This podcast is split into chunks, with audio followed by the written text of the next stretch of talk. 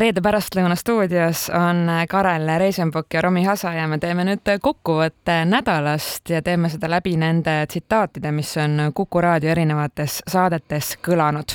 nädala kokkuvõtet alustame väidetava Putini visiidiga Ukrainasse, osaliselt okupeeritud Hersoni oblastisse. visiiti ja miks sellest nii palju räägiti, kommenteeris neljapäevases Sihiku saates Välisministeeriumi kantsler Jonatan Vsevjov. sellepärast, et üks president külastas teist riiki ilma selle teise riigi kutseta ja see asi ei ole mitte ainult, et äh, tavapärane, vaid on ausalt öeldes ebaseaduslik. Ehm, ju see Putin oli, aga tõenäoliselt ei olnud see sellel kuupäeval toimunud visiit ja tingimata mitte sellesse kohta kus väideti, et visiit toimus, eh, aga paistab, et nad suutsid ise ennast sisse rääkida selles videoklipis, mida Kreml ise avaldas, eh, kus Putini ajalise määratluse osas ei lähe päris täpselt kokku sellega, mis kalender sellel hetkel ütles.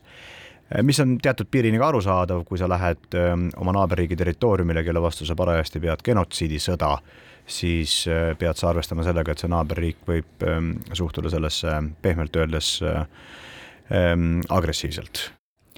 eile valiti siis Tartu Ülikooli rektoriks eh, tagasi arstiteadlane Toomas Asser. päev enne rektori valimisi rääkis Asser Kuku raadiole, et millised on murekohad doktorantuuris. Eestikeelseid, Eesti enda inimesi, andekaid inimesi, et neid võiks rohkem olla, lausa et peaks olema rohkem ja see on oluline sihtmärk et neid atraktiivselt tuua, et, et selleks on, et kui vaadata just loendust, mis on viie aastaga tehtud, et siis näiteks doktorantide staatus, et, et nad on praegu sotsiaalsete garantiidega tagatud, nendel on palgatingimused arusaadav, mõistetavamad, paraku küll ei konkureeri siiski väliskeskkonnaga näiteks, et, et kui on äh, lõpetanud arst, noor arst, et kas minna doktorantuuri või, või äh, jätkata siis residentuuris seal või kombineerida seda, et, et siis tekib palgakahvel Põhjamaade Ringhäälingute uurimusest selgus, et Venemaa laevad käivad kaardistamas Läänemere põhja, et vajadusel oleks võimalik seal asuvat taristut halvata. sellest, kuidas on võimalik meie merepõhja kaitsta, käis Kuku pärastlõunas rääkimas Eesti mereväe ülem kommodoor Jüri Saska. kui ärevaks äh, tegi meid äh, gaasitorujuhtmete siis äh, õhkimine, tegi küll. kindlasti tuleks selle peale mõelda, et mida tooks endaga kaasa ühe või teise elektriühenduse katkemine, eh, mida tooks kaasa ühe või teise andmesidekaabli katkemine. kas selle vastu on ennast võimalik lõpuni kindlustada ja kaitsta, siis seal on ka suhteliselt lühike vastus, et ei ole, sellepärast et need tegevused siiski monitoorida saab, kõiki asju ja nii-öelda järelevalvet teha, aga selleks, et ühte või teist merealust infrastruktuuri elementi kaitsta, peaks sisuliselt keegi kakskümmend neli seitse, kolmsada kuuskümmend viis päeva aastas istuma selle kaabli või toru peal.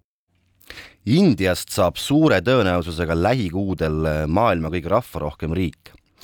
Tallinna Ülikooli rahvastikuteaduse professor Allan Puur selgitas, et mis põhjustel India Hiina peagi troonilt tõukab et Hiinas oli veel ütleme tuhande üheksasaja viiekümnendal aastal keskmine laste arv peres ligi kuus. kriiside ajal seal kuuekümnendatel ta läks korraks alla, aga seitsmekümnendate alguseks oli ta uuesti seal kuue peal tagasi ja siis äh, Hiinas rakendati seda hästi tuntud ühe lapse poliitikat ja väga kiiresti äh,, umbes kahe kümnendi jooksul äh, tuli see äh, keskmine laste arv siis pea kaks korda allapoole. nüüd Indias ei ole niisugust äh, äh tugevat äh, drastilist poliitikameedet kasutatud, et seal see areng on olnud veidi evolutsioonilisem teisipäev tõi uudise, et Võrumaalt leiti siiani kõige keerulisema ehitusega kanepikasvatus, mida siinmail nähtud. läbi kahe maa-aluse korruse laiunud kanepiistandust kommenteeris Põhja prefektuuri kriminaalbüroo juht Urmet Tambre. ja me, meie hinnangul ehitati seda vähemalt kaks aastat ja ta võttis kaheksasada tuhat eurot kurjategijate raha, mis sinna pandi ja, ja hea uudis on see, et äh, sealt ei läinud ükski taim välja et vahetult ennem, kui nad jõudsid seda lõikama hakata saaki, tuli politsei ja lõpetas selle tegevuse. politsei huviorbiidis need inimesed ei ole olnud, aga kindlasti nad pidid õppima seda kasvatuse poolt, sest see tehnoloogia, mis seal kõik rakendati, seal oli vee sisse pandud taimed, mitte mulla sisse, mis on tavaliselt, et äh, seal oli automatiseeritud niisutussüsteemid, autonoomne elektrisüsteem, kõik see, kuidas see kõik oli tööle pandud, toimima pandud, et äh, nad pidid seda kuskilt õppima. Tuleb välja, et tavapäraste saarte ja poolsaarte, poolsaarte kõrval võib maailma meredest leida ka prügisaari,